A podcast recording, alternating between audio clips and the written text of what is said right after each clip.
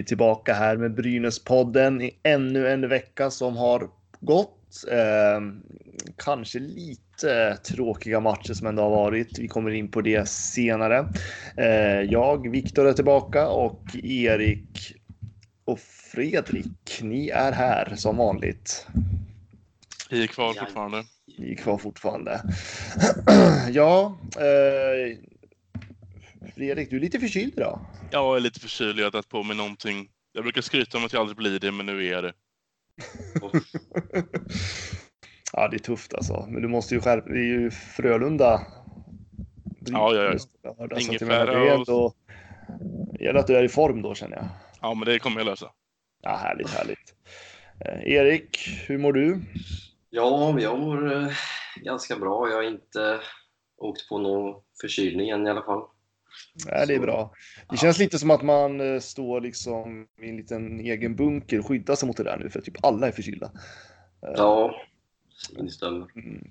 Eh, om vi pratar hockey då, Erik, hur mår du då? Jag mår skit. antog det, antog det. Eh, ja, vi kommer ju in på det där. Det har ju spelats två matcher. Jag tänker att vi ska prata lite grann om dem. Eh, dels har det ju varit eh, Gävle-Dala-derby eller rivalitet, beror på hur man vill se det.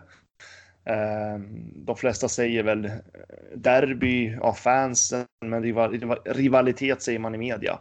Ehm, man vill gärna inte köpa att det är ett derby. Eh, vilket jag kan förstå i och för sig. Ehm, men eh, spontana tankar kring den matchen? Öppen fråga. Jo... eh, det var ju ganska så jämn match ändå får man väl säga. Eh, Leksand eh, tog ju kommandot efter första perioden. Eh, väldigt mycket skott på mål återigen från Brynäsholm men eh, man känner att de här avsluten inte är eh, tillräckligt bra och eh, effektiviteten uteblev återigen. Så kände väl jag. Du Fredrik, har du det med? Ja, jag känner eh, mer eller mindre exakt. Det är det vi matar på skotten. Det tycker jag att det har blivit lite bättre. Eh, rätt många skott fick vi ändå in i alla fall den matchen.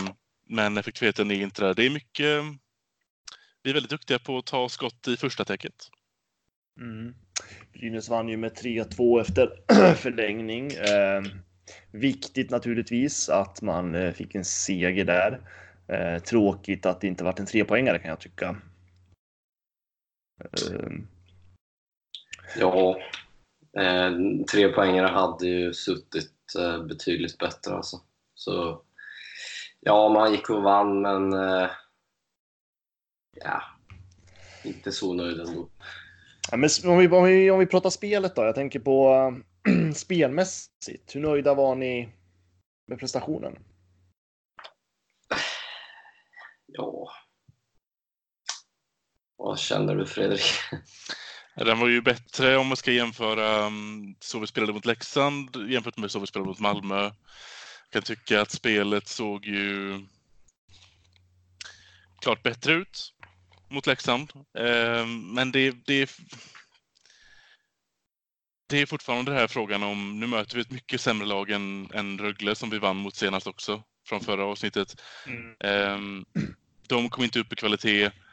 Leksands högsta kvalitet är inte i närheten av Rögle och jag tyckte fortfarande att det, vi fick en möjlighet att spela vårt spel så bra vi kan för att vi ska vara bättre än Leksand, men vi tog inte möjligheten. Vi vann ändå, men inte 100% välförtjänt känns det som.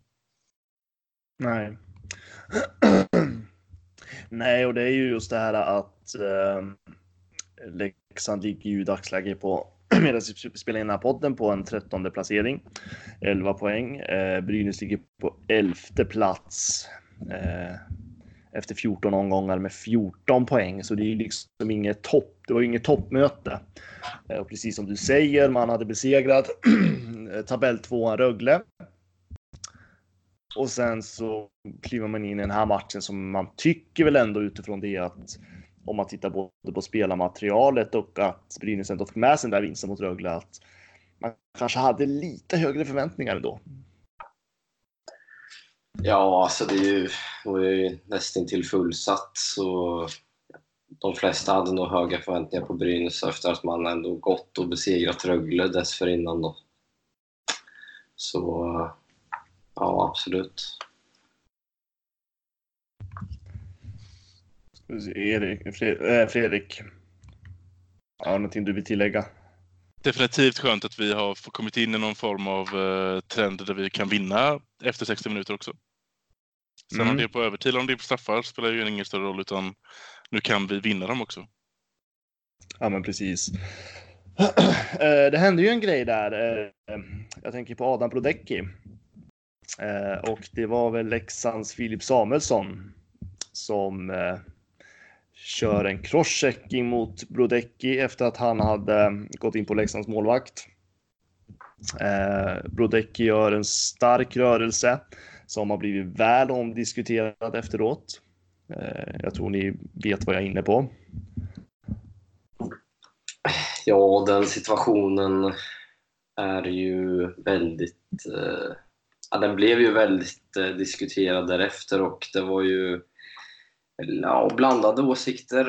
Eh, men eh, Sanny Lindström och eh, Niklas Wikegård i studion var väl ganska så rörande överens om att eh, Brodecki förstärkte situationen och det blev mer fokus då på Brodecki än det Filip Samuelsson gjorde mot Brodecki. Så. Ja, alltså jag fick, jag fick alltså Visst, det kan hända att Brodeck gjorde någon överdriven rörelse, men eh, på andra sidan, eh, enligt honom så kom det ju någon handske upp där i, i samband med den här crosscheckingen då. Eh, och eh, jag kan väl tycka, alltså jag kan förstå båda lägren lite grann. Eh, samtidigt så ska man ju inte underskatta när det kommer en sån där smäll. Även om det inte var mot huvudet så är man inte beredd så är ju inte kroppens alla muskler, alltså jag tänker nackmuskler, redo heller. Eh, men jag vet inte. Alltså jag kan förstå matchstraff. Eh, jag kan nästan köpa ändå att han inte fick någon av, vidare avstängning. Ja, jag kan hålla med där också att det kanske inte borde vara en avstängning, eller avstängning, men varför ens prata om vad Brodecki gjorde där när Leksandsspelaren bevisade extremt låg IQ när han gör så från första början. Matchen är avblåst ingenting är på väg att hända och då drar han en crosschecking som ändå sitter, den får man ändå ge att det är över bröstet, under hakan. Det är inget kanonställe där du är redo på att få någonting som du ska balansera upp sen. Klart att du ramlar. Ja, ja men det är lite det jag menar. Oh shit. Nej, grannen. Nej, det är inte sant. Nej, slagborret.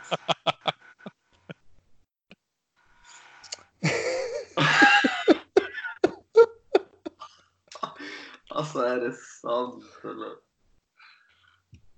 Får jag fråga, är du inte brynäsare eller? Är du det så är du Precis.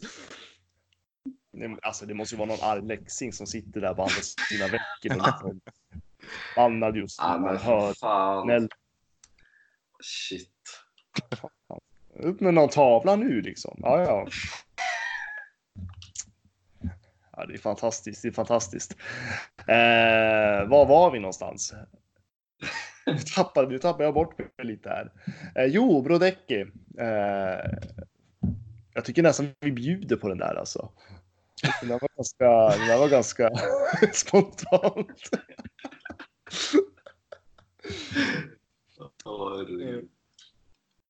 Nej, men eh, Brodecki får ju crosscheckingen där precis över bröstet, alltså mellan bröstkorgen och alltså halsen eller hakan, ska man säga så? Ja. Eh, liksom, och jag vet inte, alltså får man en crosschecking där, alltså inte 17 är ju allt, alltså kroppen är ju inte beredd på det eller? Eh, och jag, jag håller med, jag tycker att diskussionen varit mer fokus på vad Brodecki gjorde än själva, alltså Samuelssons agerande. Eh, och någonstans så tycker jag att där blir debatten fel på något sätt. Ja, jag håller med. Eh, Jag såg att det fanns någon intervju med Brodecki där han själv sa att eh, den tar i bröstet när han får slaget eh, Mm. från Filip och sen blir den uppåtgående liten rörelse mot ansiktet. Det blir ju det eftersom att Brodecki är kortare än honom. Ja, Det, det faller sig helt naturligt för mig tycker jag. Det, det, den går uppåt gör den. Mm. det fanns en annan vinkel från eh, en an, andra sidan där man faktiskt ser att eh, handsken är närmare i ansiktet i slutskedet på den situationen. Ja, nej men eh, som sagt, jag tycker att någonstans får ju Brodecki onödig kritik och jag blir nästan fundersam när många hockeyexperter liksom diskuterar det istället. För jag menar, visst att eh, alltså, jag ska ärligt säga, jag har ingen aning hur det är att få en crosschecking där uppe. Eh, liksom strax över bröstkorgen. Jag kan bara tänka mig att eh, nack, nacken skulle nog inte riktigt vara beredd om man dels är oförberedd på det. Sen att man får det där uppe, det blir ju ändå en smäll som... Eh, sen så kan det ju absolut, jag säger inte att Brodecki är helt oskyldig, men jag tycker att diskussionen blir olycklig när man fokuserar på det istället för att en annan spelare där uppe med en crosschecking efter att domaren har blåst. Mm. Ja. Håller ni med? Ja, Det var Ja, inget ja. grin på banan heller någonting. Det var en vanlig avblåsning. Det hade kunnat bli ett målläge kanske, men det var verkligen sådär. Mm. Och Och, jag, alltså, och absolut, Brodecki ska inte röra målvakten efteråt heller, men man ska alltså att man agerar på det där sättet. Uh, ja, jag vet inte. Men eh, sen så hade vi Malmö. Vilket var igår. Nu när den här podden spelas in.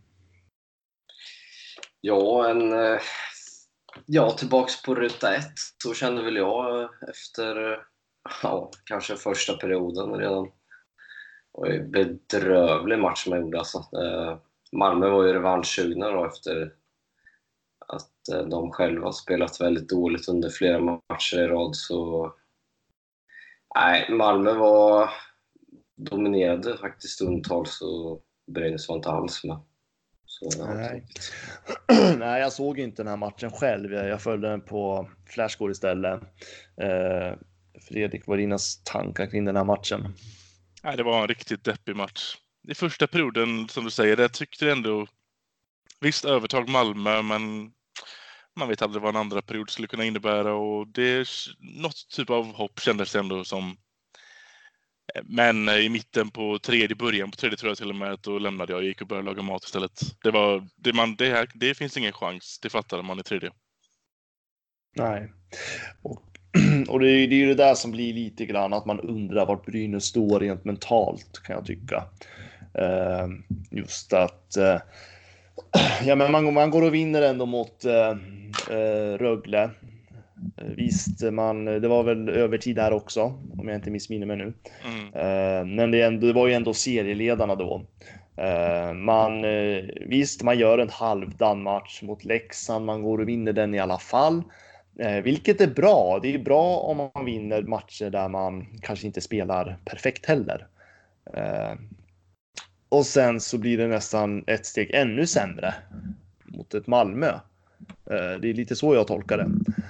Och någonstans blir det ju så här, men vad, alltså hur mår spelarna? Hur mår Brynäs?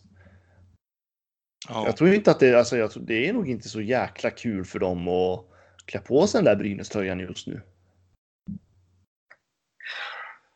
Och jag undrar liksom hur, hur gott sover Sundqvist egentligen, alltså tränaren? Ja. Bra Det känns, som att, det känns som att de tycker liksom inte att det är kul. Eh, sen läste jag någonstans liksom att att det var lite kritik mot att spelarna kanske inte gav sitt yttersta, men jag tycker ändå att jag tycker att spelarna försöker. Jag tycker att det ser ut som att man gör det man, vad man kan. Eh, det finns mycket spel i, alltså i, hos individerna. Skickligheten finns, viljan finns. Men det känns som att det finns ingen spelidé. Det finns ingen struktur spelarna vet inte hur de ska agera. Och då Ja. undrar jag liksom, hur mår man då som spelare när man är i den här situationen? Man har den här pressen. Eh, man vet att man måste producera, men det verkar ju inte som att det finns någon tydlig strategi om hur man ska göra och då blir man ganska vilsen där ute. Precis, och det är så det ser ut när de är där ute också. Det, det finns fart i laget och många kan trampa igång och göra någonting kreativt, men det känns som att det är någon, det är liksom antingen att de har jättesvårt att anpassa sig till en spelidé som de bara inte får igång det med, eller så tror de inte på den och kan därför inte känna att de vill gå 100% in i den för att ja, de tror inte på den helt ut. Men det ser vilset ut, det gör det. Ja, det ser ju oerhört vilset ut. Eh, och samtidigt, jag tänker så här, vi har ju liksom, ja men Anton Rudin, vi ska ju prata lite mer om honom sen också. Eh, och Greg Scott bland andra som ligger, de ligger jättehögt upp i Corsi-statistiken. Eh, det skapas chanser när de är ut, men det blir ju liksom ingen produktion av det. Exakt. Nej, det går lite för trögt ibland. eh, Och speciellt i, som vi tidigare pratat om, just powerplay och sådär så det är alldeles för stillastående. De blir lättlästa i sitt spel och eh, ja, visst, man har skott på mål, men eh, som vi pratade om tidigare i ma- matchen mot Leksand så uteblir liksom effektiviteten och eh, kreativiteten på avsluten som Ja, det ser bara frustrerande ut match efter match på något sätt, skulle jag vilja säga. Det går ju provocerande långsamt i powerplay. Mm. Ja, det blir det är alldeles stillastående. Och det är det jag tycker är helt absurt, tanke på vad det är för material Brynäs egentligen har. Att man liksom inte får till det på ett annat sätt. Och då är ju frågan, är det, är det fel på spelidén eller är det liksom, vad är det som inte stämmer? Jag tror ju, alltså potentialen finns där men det, det är liksom en avsaknad av eh, liksom tydlig idé, spelidé och det är från ledarnas håll. Jag tror att det är ledarna som inte får ut maximalt ur eh, spelarna. Så tror jag. Mm. Eh, jag sitter och tittar på skotteffektivitet. Och där ligger ju Brynäs eh, absolut sämst till. Eh, de ligger sist i serien. De har liksom alltså, alltså, alltså de har sämst effektivitet. Eh, de ligger på 7,4 procent. Och då ska vi också veta att det är ett lag som de skjuter ändå. Alltså de ligger trea i att skjuta flest skott mot mål. Men de har sämst i skotteffektivitet. Mm. Vi är duktiga Eh, på och att det- skjuta, men vi skjuter inte bra. Ja, men alltså det är liksom, det är så ineffektivt så det bara skriker om det, om vi ska vara helt... eh, om vi tittar då på powerplay då, eh, hur ser effektiviteten ut där? Och där ligger ju också, alltså de, det lag som är sämre än Brynäs där, det är Leksand och Oskarshamn. Och där ligger Brynäs på 6,94 procent.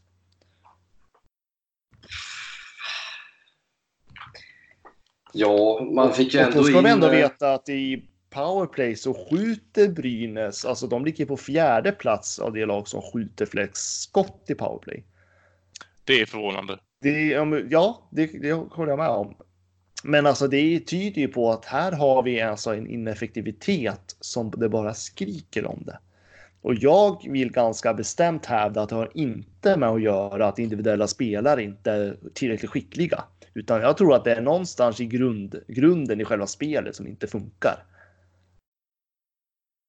Ja, som jag sa tidigare, det är från ledarskapet. Alltså, hur tränar man på eh, träningarna?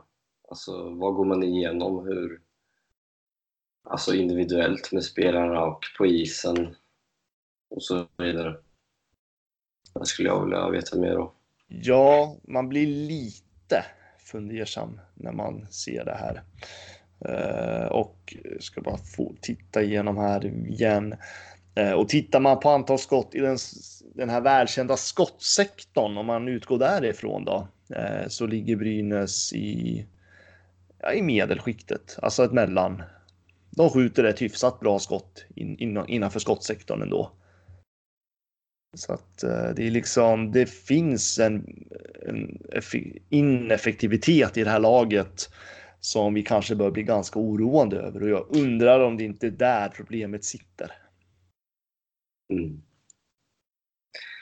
Men vad ska man göra då? Ska man fortsätta alltså, försöka värva någon till eller ska man? Det är en jättebra fråga. Ja, men det, nu vaknar Leksingen till grannen i liv där också. Underbart. Ja, nej, vi får bjuda på det. Eriks granne har bestämt att eh, tavlan ska upp ikväll, så är det bara. nej, men tittar man då på... Uh, nu kommer jag av mig igen. Den här grannen stör alltså.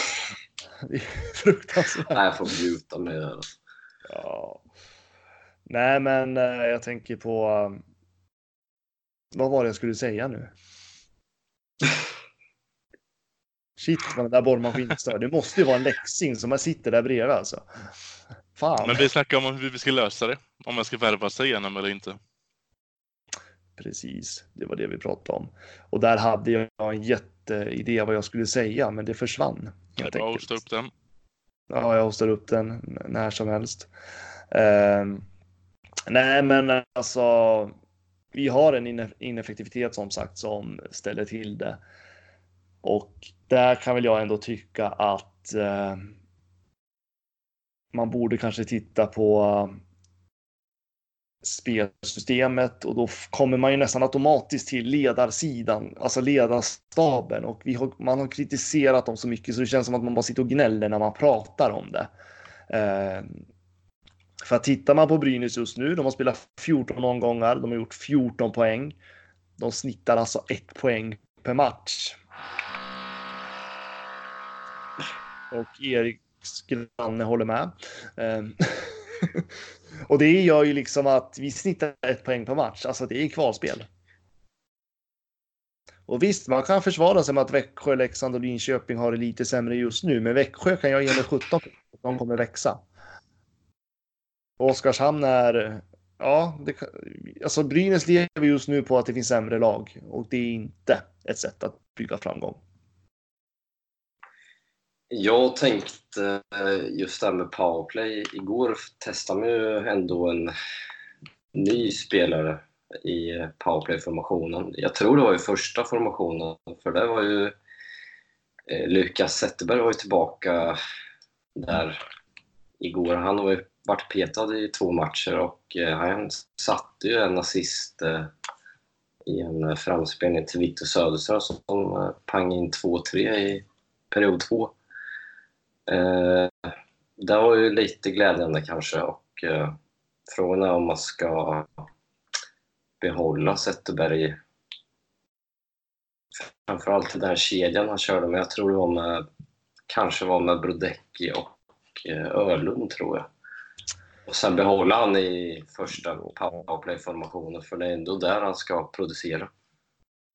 Ja, alltså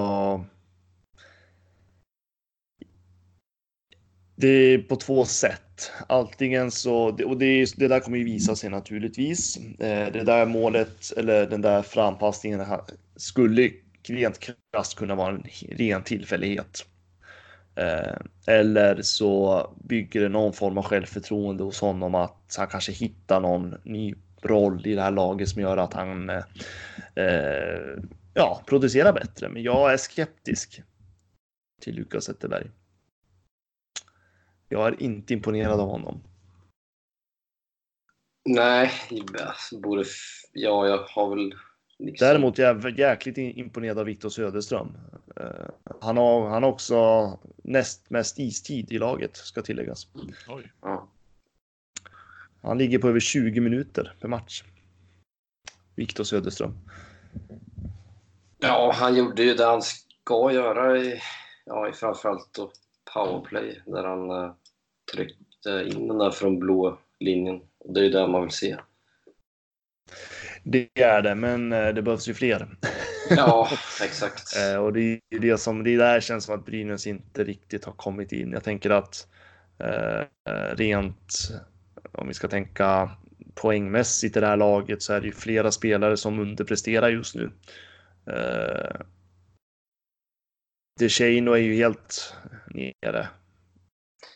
Ja, han är dessutom skadad nu också. Så. Precis, eh, så att jag undrar liksom hur. Jag vet inte om det kanske är en skada. Jag vet inte vad det är som har gjort att han började inledde ju bra på försäsongen i alla fall, men det talar ju inte så mycket. Jag måste ju säga att jag gillar att eh, det, så fort jag såg att det var Zetterberg som, som stod i första formationen i PP, han står med klubban 110% redo. Och han är den första jag sett i Brynäs PP som gör det i år. Ja, och, och eh, är det så att det är en formation man kan nyttja honom där, då ska vi absolut göra det. Eh, För det vore ju bra för att jag menar, han är ju en spelare som har målskyttet i sig. Eh, Det har vi ju sett från Hockeyallsvenskan. Sen så får vi se. Men jag tänker att har man hittat en roll åt honom där, skitbra. Så jag hoppas inte att det var en tillfällighet sist, men Problemet är väl lite bara var... Då, då har vi en kille som egentligen fyller sin funktion när det är PP. Ska han sitta i en fjärde femma då? Under tiden det är fem mot fem och på bekostnad av vems? För vi har många forwards nu. Ja, Det har vi och samtidigt så tycker jag inte att han är någon framåt, alltså framhävande spelare i 5 mot 5. Nej. Så det där är ju en coachningsfråga helt enkelt hur man ska hantera en sån spelare. Precis, Mm. vilket typ leder oss in på också det vi snackade tidigare om att Forslund då är extra forward uppsatt senast Ja. mot Malmö trots att han gjorde en, han gjorde en, kanske sin bästa match mot Leksand den här säsongen. Ja, men precis och eh, vi har ju fått in faktiskt en lyssnarfråga på det där. Eh, och det är Mikael Jonasson på Twitter som skriver att eh, varför spelar inte Forslund? Bidrar ju med fart. Känns som det finns väldigt många brunkare. Punkt, punkt, punkt, punkt. Och vi har ju varit inne lite på det där. Eh, att varför, vad, vad tror ni? Varför, varför vill man, varför sätter man inte Forslund i en större roll så att säga? Ja, mycket bra fråga.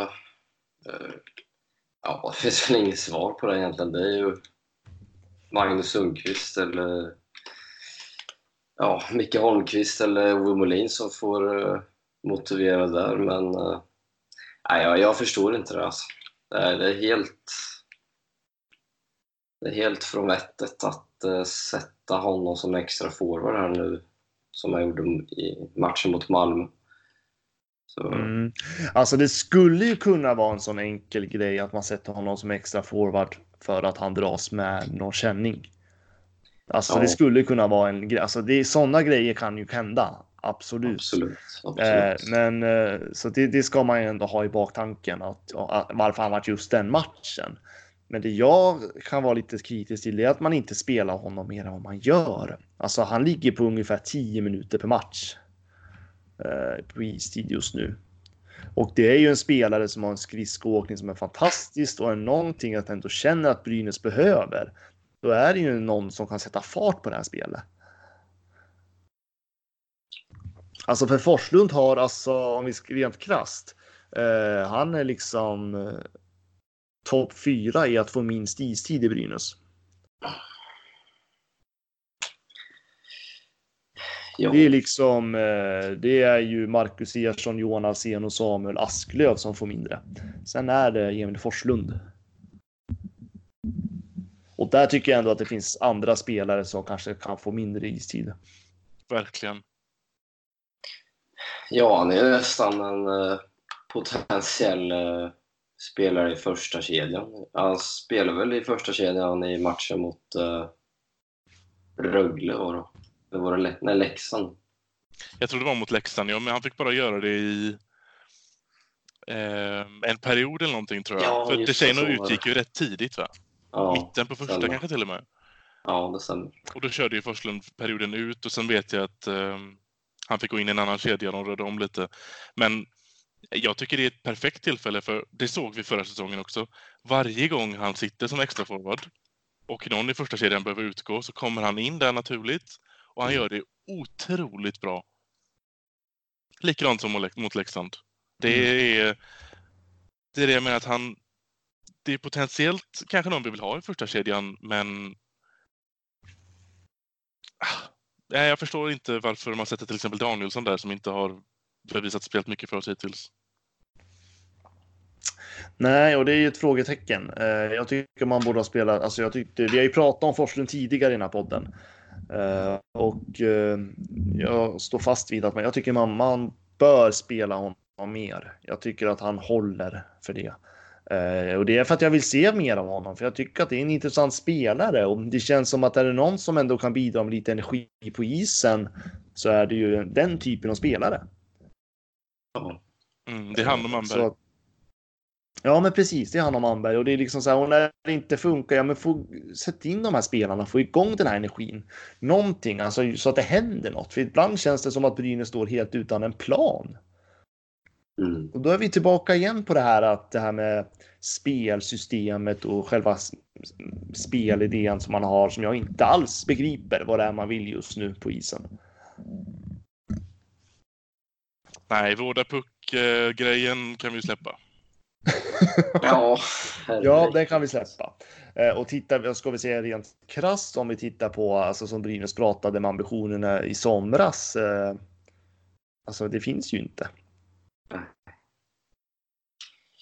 Alltså jag bara sitter och funderar på den här treårsplanen eh, man har. Eh, vi är inne på första året här nu och eh, ja, alltså är ju väl, det känns ju väldigt långt ifrån det uppsatta målet man har.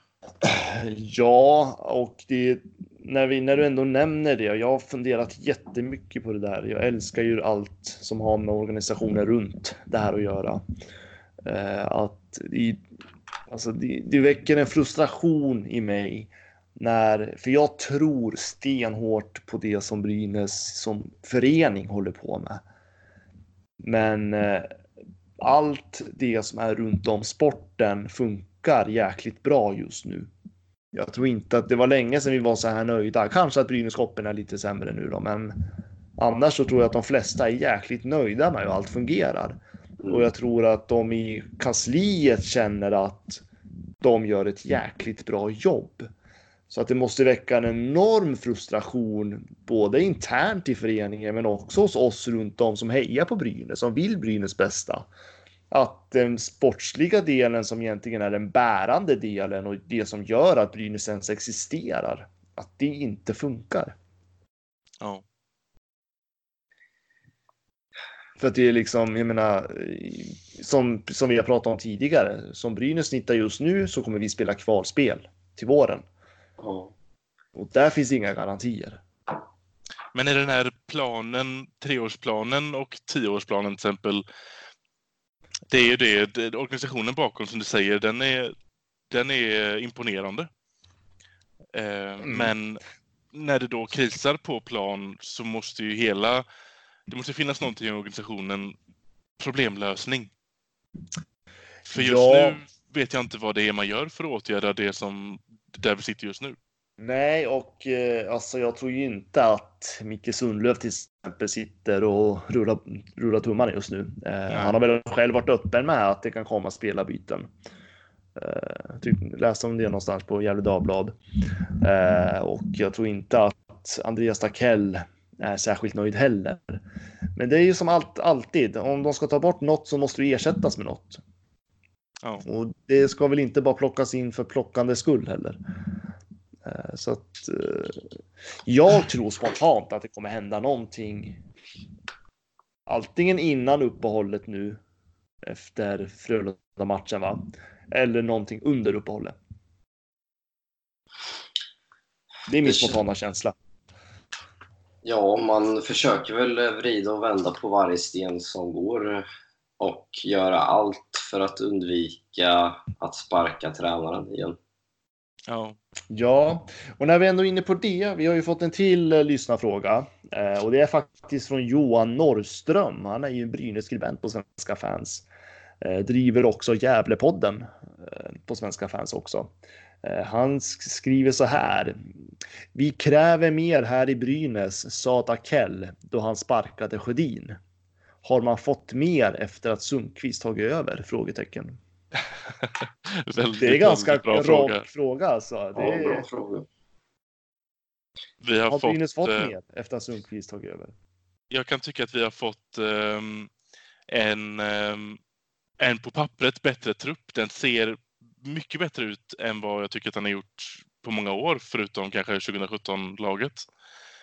Ehm, men den har inte presterat. Men jag kan, om man ska jämföra dem 100% så tycker jag väl att där vi är nu så skulle vi kunna ta oss ur det bättre med spelarmaterialet, men då, då måste det här extra till så att de också börjar eh, leverera.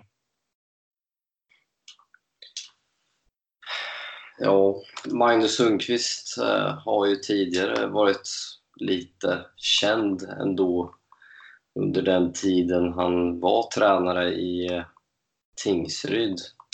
Att få ur maximalt ur eh, spelargruppen. Men eh, det har vi inte sett röken av i Brynäs, tycker jag i alla fall. Så, jag vet inte var man står riktigt med Sundqvist idag. Vad han har för Nej. tydlig ledarstil i laget. Samtidigt så har ju han hell- väl heller inte coachat ett lag med ambition att spela den offensiva hockeyn som Brynäs vill. Nej. Eh, och han har inte coachat ett lag som har haft särskilt höga förväntningar, för det är inte direkt så att Tingsryd hade det. Nej. Eh, han har ju kommit in i en annan, dels en annan kultur, en annan förväntan, en helt annan organisation. Eh, att han får igång brunkarlag, ja. Det, det, det får Stefan, fick Stefan Bengtzén som sportchef också.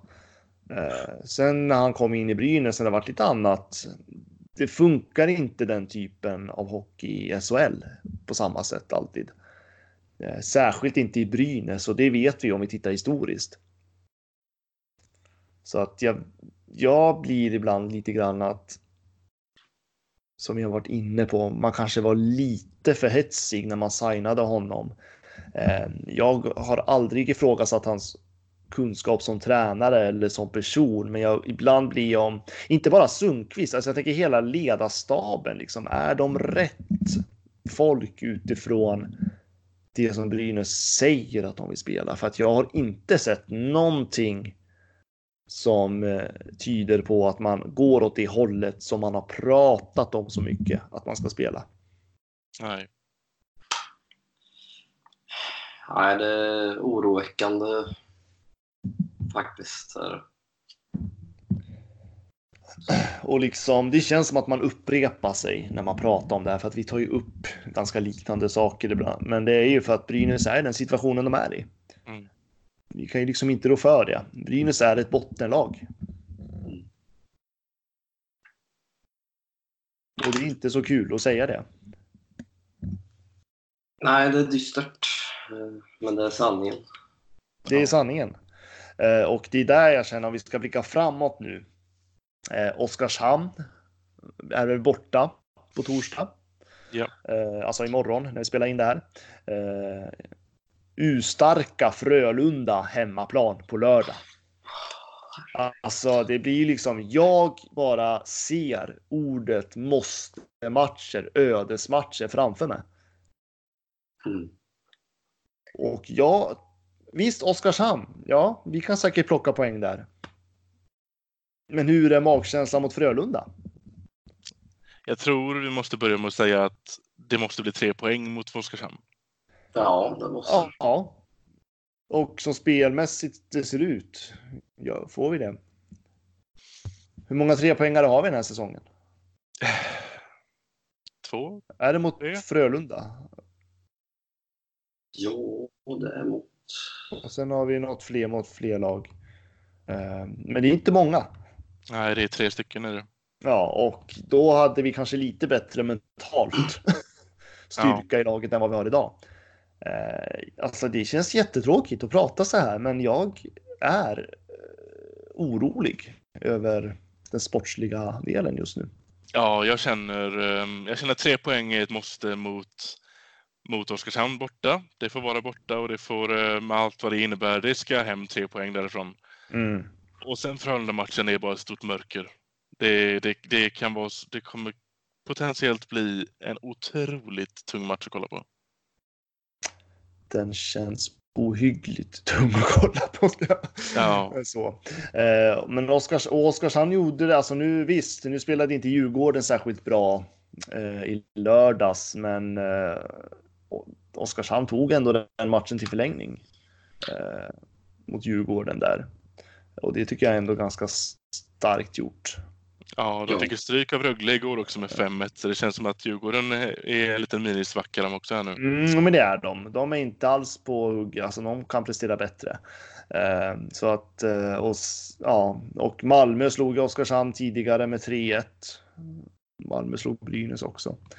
Eh, Så att det är liksom Oskarshamn är ju inte, det är ju inget starkt lag heller, men de är ändå, de har det. Alltså de, de är i en annan position, en situation än vad Brynäs är. De har inte de här förväntningarna som Brynäs har heller. Att Oskarshamn Nej. ligger tia, det tror jag att de ändå är ganska nöjda med. Ja, det tror jag också. Ja, Och det är ju det där blir så här, Brynäs säger så här, de kommer ju gå med skakiga ben. Till Oskarshamn. Ja Oskarshamn, eh, man får inte underskatta dem alltså. Om man- Verkligen inte. Och Oskarshamn har möjlighet att slå Brynäs. Inte många i den föreningen som har tänkt den tanken de senaste åren. Nej. liksom, så att det är helt olika situationer de här lagen befinner sig i. Så att jag tror att Oskarshamn ser nog sin möjlighet just nu. Ja, Det är definitivt. en skada, det är en skada, en sargad tiger som kommer till Oskarshamn. Mm. Ja, det är det verkligen. Det måste visa att vi kan ta tre poäng där. Det är ju verkligen det. Och Frölunda, precis som ni säger, det är serieledarna just nu. Ja. Eh, De var favorittippade inför säsongen. De har ju ett lag som är typ bra på alla fronter. Eh, Ja. Regerande mästare som kommer säkerligen att slåss om att försvara den titeln. Till vårkanten. Ja, revanschsuget från Mm. Så att ja, det är, lite, det är lite oroväckande, men det är ändå. Vi får väl positivt är väl att det är en hemmamatch som det nu är positivt för Brynäs, men. Det hade ju varit häftigt om de kunde överraska där. Ja, två av tre vinster ändå de tre senaste matcherna. Vi får väl eh, ta med oss det. Helt rätt. Eh, och eh, på tal om det så ska vi väl ändå gå in lite. Om vi ska prata om något positivt då. Det måste vi ändå göra. Eh, publiksiffran i Gavlerinken, eller Monitor som det heter. Eh, Monitor ERP Arena. Eh, den har varit ganska trevlig om man tittar på siffrorna. Ja, det tycker jag. Trots att Brynäs har den här starten. Vad- Och då brukar ju inte de här publiksiffrorna vara särskilt höga under oktober månad heller, ska vi tillägga. Det brukar vara ganska låga publiksiffror den här tiden på året. Så att eh, vad, vad tror ni, vad beror det på? Ja, det är ju Sanken-effekten. Vet du. Ja, det- ja, absolut. Det tror jag. Ja, han har, han har en konkret grej att sätta på CVt efter detta. Eh, nej, det är ju ja, tre hemmamatcher de har haft här. Det har legat runt 5000 första och så hade de ju nästan fullsatt då mot Leksand i lördags och sen var det fem och ett halvt igår mot Malmö. Det är ju ja, det är bra siffror alltså. Ja, jag kan ju berätta att eh, Brynäs har ett publiksnitt på 6115 åskådare just nu. De ligger på femte plats i SHL, strax under Leksand. ja, det är bra. Det är bra, det är väldigt Ja, bra. är ett Eh, bra de, det här publiksnittet hade man ungefär, jag tror det var 2013, tror jag att det var senast. Vi låg över 6000 efter en säsong. Eh, så att ehm, men jag tror inte att det kommer hålla. Nej, inte om det ser ut så här sportsligt. Det tror jag inte. Nej, jag tror att man har vunnit ganska mycket på dels att Brynäs hade få hemmamatcher i början. Man fick ju typ aldrig spela hemmamatch, eh, vilket gjorde att eh, då kanske inte är jättesvårt att locka publik heller till arenan. Eh, sen har vi haft ett Leksand derby säger jag nu. Ett Gävle-Dala match där då. Eh, som naturligtvis blir ju i princip fullsatt. Eh, så och sen naturligtvis ska man, jag, jag, ska, jag ska inte understryka att man har jobbat bra i marknadsföringen heller. För där har vi Brynäs blivit mycket bättre än vad man tidigare har varit. Där har man jobbat på bra. Man eh, prickar ju in en eh, lönhelg här också. Ja, men man har haft lite tur eh, så att det känns ju som att siffrorna egentligen. Det känns. Det kommer ju dala naturligtvis. Eh, Brynäs spelar ingen bra hockey. Det går ingen bra för Brynäs. Som en Gävlebo så vet man ju hur man tänker i Gävle. Att det är liksom. Det är frustrerat där hemma just nu. Så att det kommer bli tufft, men det är bra att de ändå har börjat så här starkt. För det är klart att det här är ju intäkter. Det är ju jätteviktigt att folk går på matcherna. Och rent krasst så är det väl nu som Brynäs verkligen behöver det. Ja, som allra mest. Precis. Precis. Nej, men det är roligt att se ändå att Brynäs ändå har fått en sån start i publik. Eh, vi kan väl kanske inte vänta oss sam... eh, Just det, nu höll jag på att säga bort de här. De spelar ju borta mot Oskarshamn. Eh, men mot Frölunda, jag vet inte, de har väl inte gått ut med någon publiksiffra än va? Eller ungefär hur mycket de har sålt. Nej, inte vad jag har läst något av i alla fall än. Nej. Eh, jag håller ju på att jobba på en lång, lång publicitet mellan Brynäs och Frölunda rent historiskt. Eh, och tittar man på vad Brynäs har snittat, alltså nu går jag tillbaka från 60-tal till idag. Eh, vad Brynäs, snitt, Brynäs och Frölunda snittar lite grann så ligger ju publiken mellan ja, men 5 och 5 till 7000 åskådare ändå Mm. när Frölunda gästar. Och nu är det ändå en lördagsmatch också. Ja, det är positivt. Så att jag hoppas att vi får ändå över 6000 åskådare på lördag. Det är Frölunda. Det är ett av Brynäs kanske mest klassiska rivaler. Historikern Ulf Kriström hävdar ju att det var ju större än Leksand förut till och med. Oj. Mm. Ja, just det. Och eh, det har jag, kommer jag också skriva om, för Brynäs största publikmatcher i klubbens historia är mot Frölunda och inte mot Leksand. Så att där finns en urgammal rivalitet som jag tycker att Gävleborna behöver ta tag i och komma till Galorinken på lördag. Ja, faktiskt. Där är det, det är det att det kan ju skrämma iväg lite folk i och med att vi vet att Frölunda är så otroligt bra. Men Mm. vad vi också vet är att Brynäs gör ofta väldigt bra matcher. Främst mot de som är bättre, ligger högt i tabellen, tycker jag. Och så är vi lite sämre mot de som är i vår egen nivå. Eh, men vi brukar göra bra matcher mot Frölunda. Så Ja, det brukar vara roliga matcher mot, mot Frölunda. Ja, man slår väl i underläge får man väl säga den här gången. Ja, men det, det passar Brynäs nu. Ja, Eh, För, en fördel kan vara att, eh, ja visst, nu kan någon säga, ja men det är professionella idrottare, ja absolut, men det är bara människor de har. Eh, En fördel är ju att Frölunda kanske underskattar Brynäs lite, Precis. eh, om vi ska tänka så. Eh, Nu är Frölunda, alltså jag tänker Roger Rönnberg är en av ligans absolut bästa tränare. Eh, Så att det är klart som 17 att de är väl förberedda för det här. ja de har ju gjort en noggrann scouting givetvis. Så, Ja, absolut. Det är, inte så, det är inte så svårt att scouta Brynäs just nu. Nej, inte Nej. riktigt Det- så. så. De har, alltså det finns inga, finns ingenting som förvånar i spelet liksom. Nej. Så. Är det något mer som vi behöver tillägga? Eh, ja, det finns en sak till och det är ju återigen på tapeten en diskussion, en ny sådan mellan eh, Kamratkompaniet och eh, Brynäs. Just ja, det kom upp. Vi vet inte så mycket om det där än va? Nej, men Kamratkompaniet, alltså Brynäs Ultras förening bland supporterna, eh, gör ett gediget arbete när det kommer till läktarkulturen, i alla fall i Gävle. Eh, och de vart ju, kom i konflikt med Brynäs förra året och då var det väl för att Brynäs gjorde om i deras fråd utan att prata med dem. Mm. Och nu var det väl att, att de inte fick komma in till matchen va? Ja, det var no någon hade vägrats i alla fall. Och då mm, någon hela... hade vägrats ja, och de hade inte fått information om varför. Oh.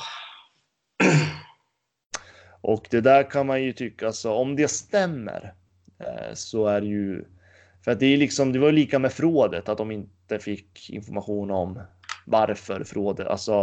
Mm. Och, och, det känns ju som att det här är återkommande någonstans att Brynäs i så fall gör saker utan att prata med sina alltså mest aktiva fans. Så kan man ju säga.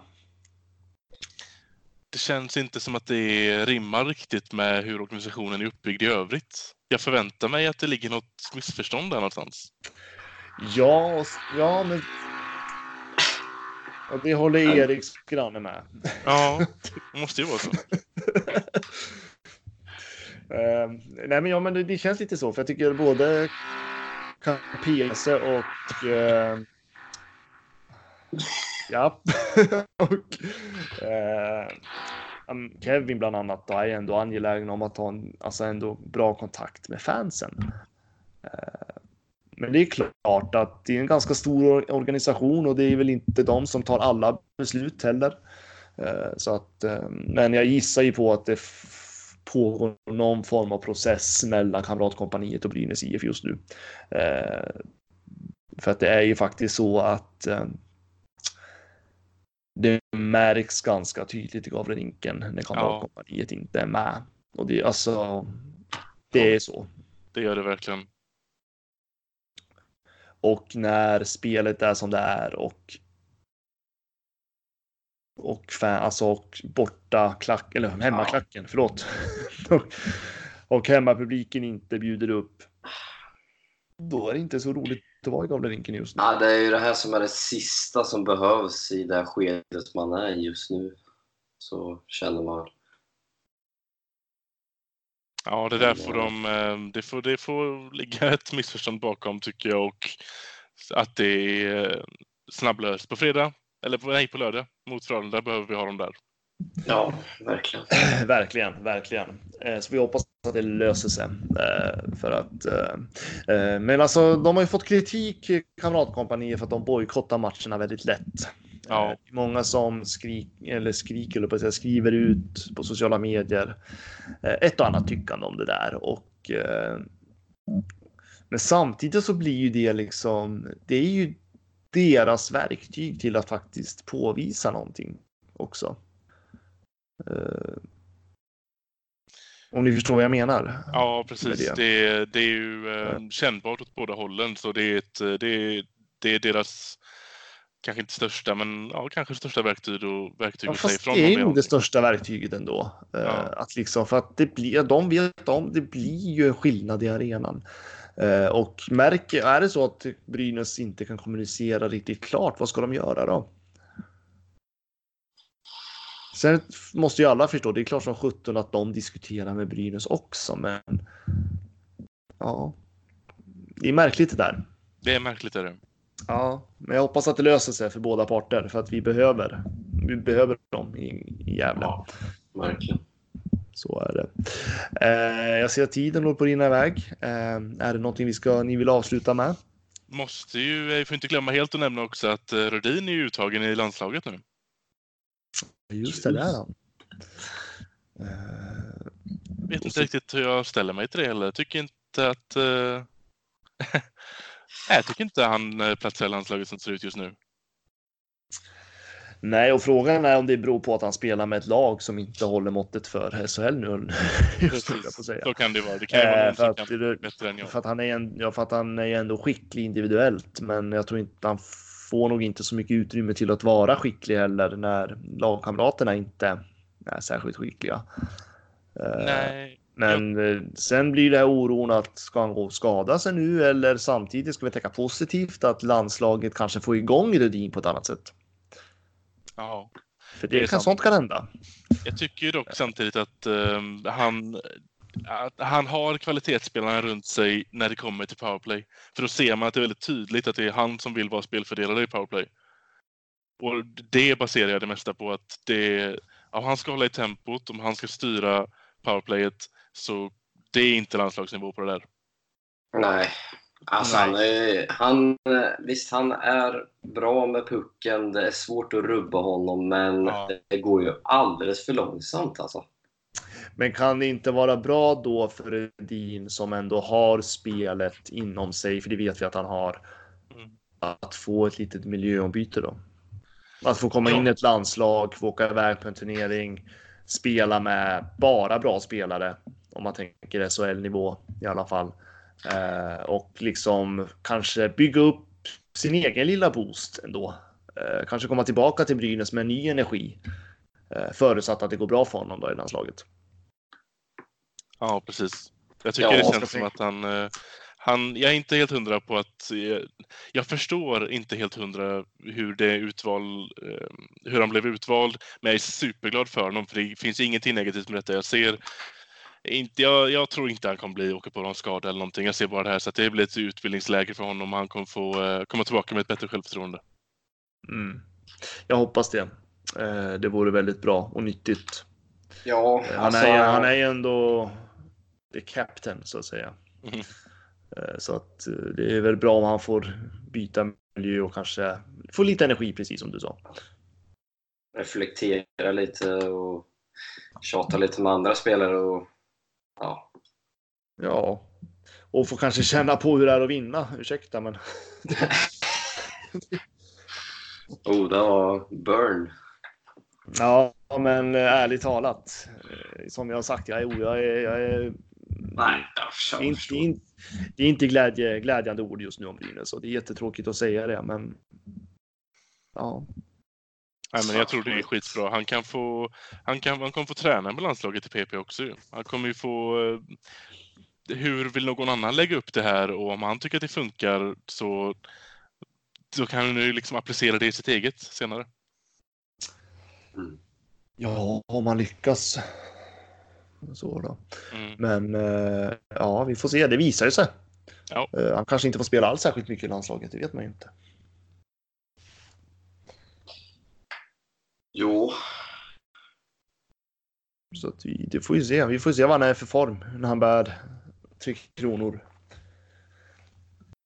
Så, men det kan vi återkomma till tänker jag. Ja, precis. Utifrån att eh, det blir ju ett uppehåll där så då kan vi prata lite grann om, om det. Och lite annat också naturligtvis. Eh, men eh, jag tänker att vi tackar för den här gången. Ja, jag ska Eh, väl hälsa och tacka min granne framförallt. Ja, För att jag ska- Ja, men det var ju, det var ju trevligt att han vill vara med där i ett hörn eh, med borren. jag hoppas eh, att lys, lyssnarna har lite här överseende med det där. Det var inte riktigt planerat. det är bara att bjuda han på en kopp Gevalia, ett oväntat besök. Ja, Ja, faktiskt. Du får göra det nu, Erik. Eh, ja, för jag... Ge mig 17 på att han är läxing också. ja säkert. Jag för sig, du bor ju i Linköping så att risken är ju att han kanske är ännu deppigare än vad vi är. Tanken på Ja, Linköping är ju... ja lite så kanske. ja. ja, men eh, vi avrundar här och så ser vi fram emot kommande matcher och hoppas naturligtvis på att vi kommer låta en aning mer positivt nästa vecka. Det kommer vi. Tack så för oss.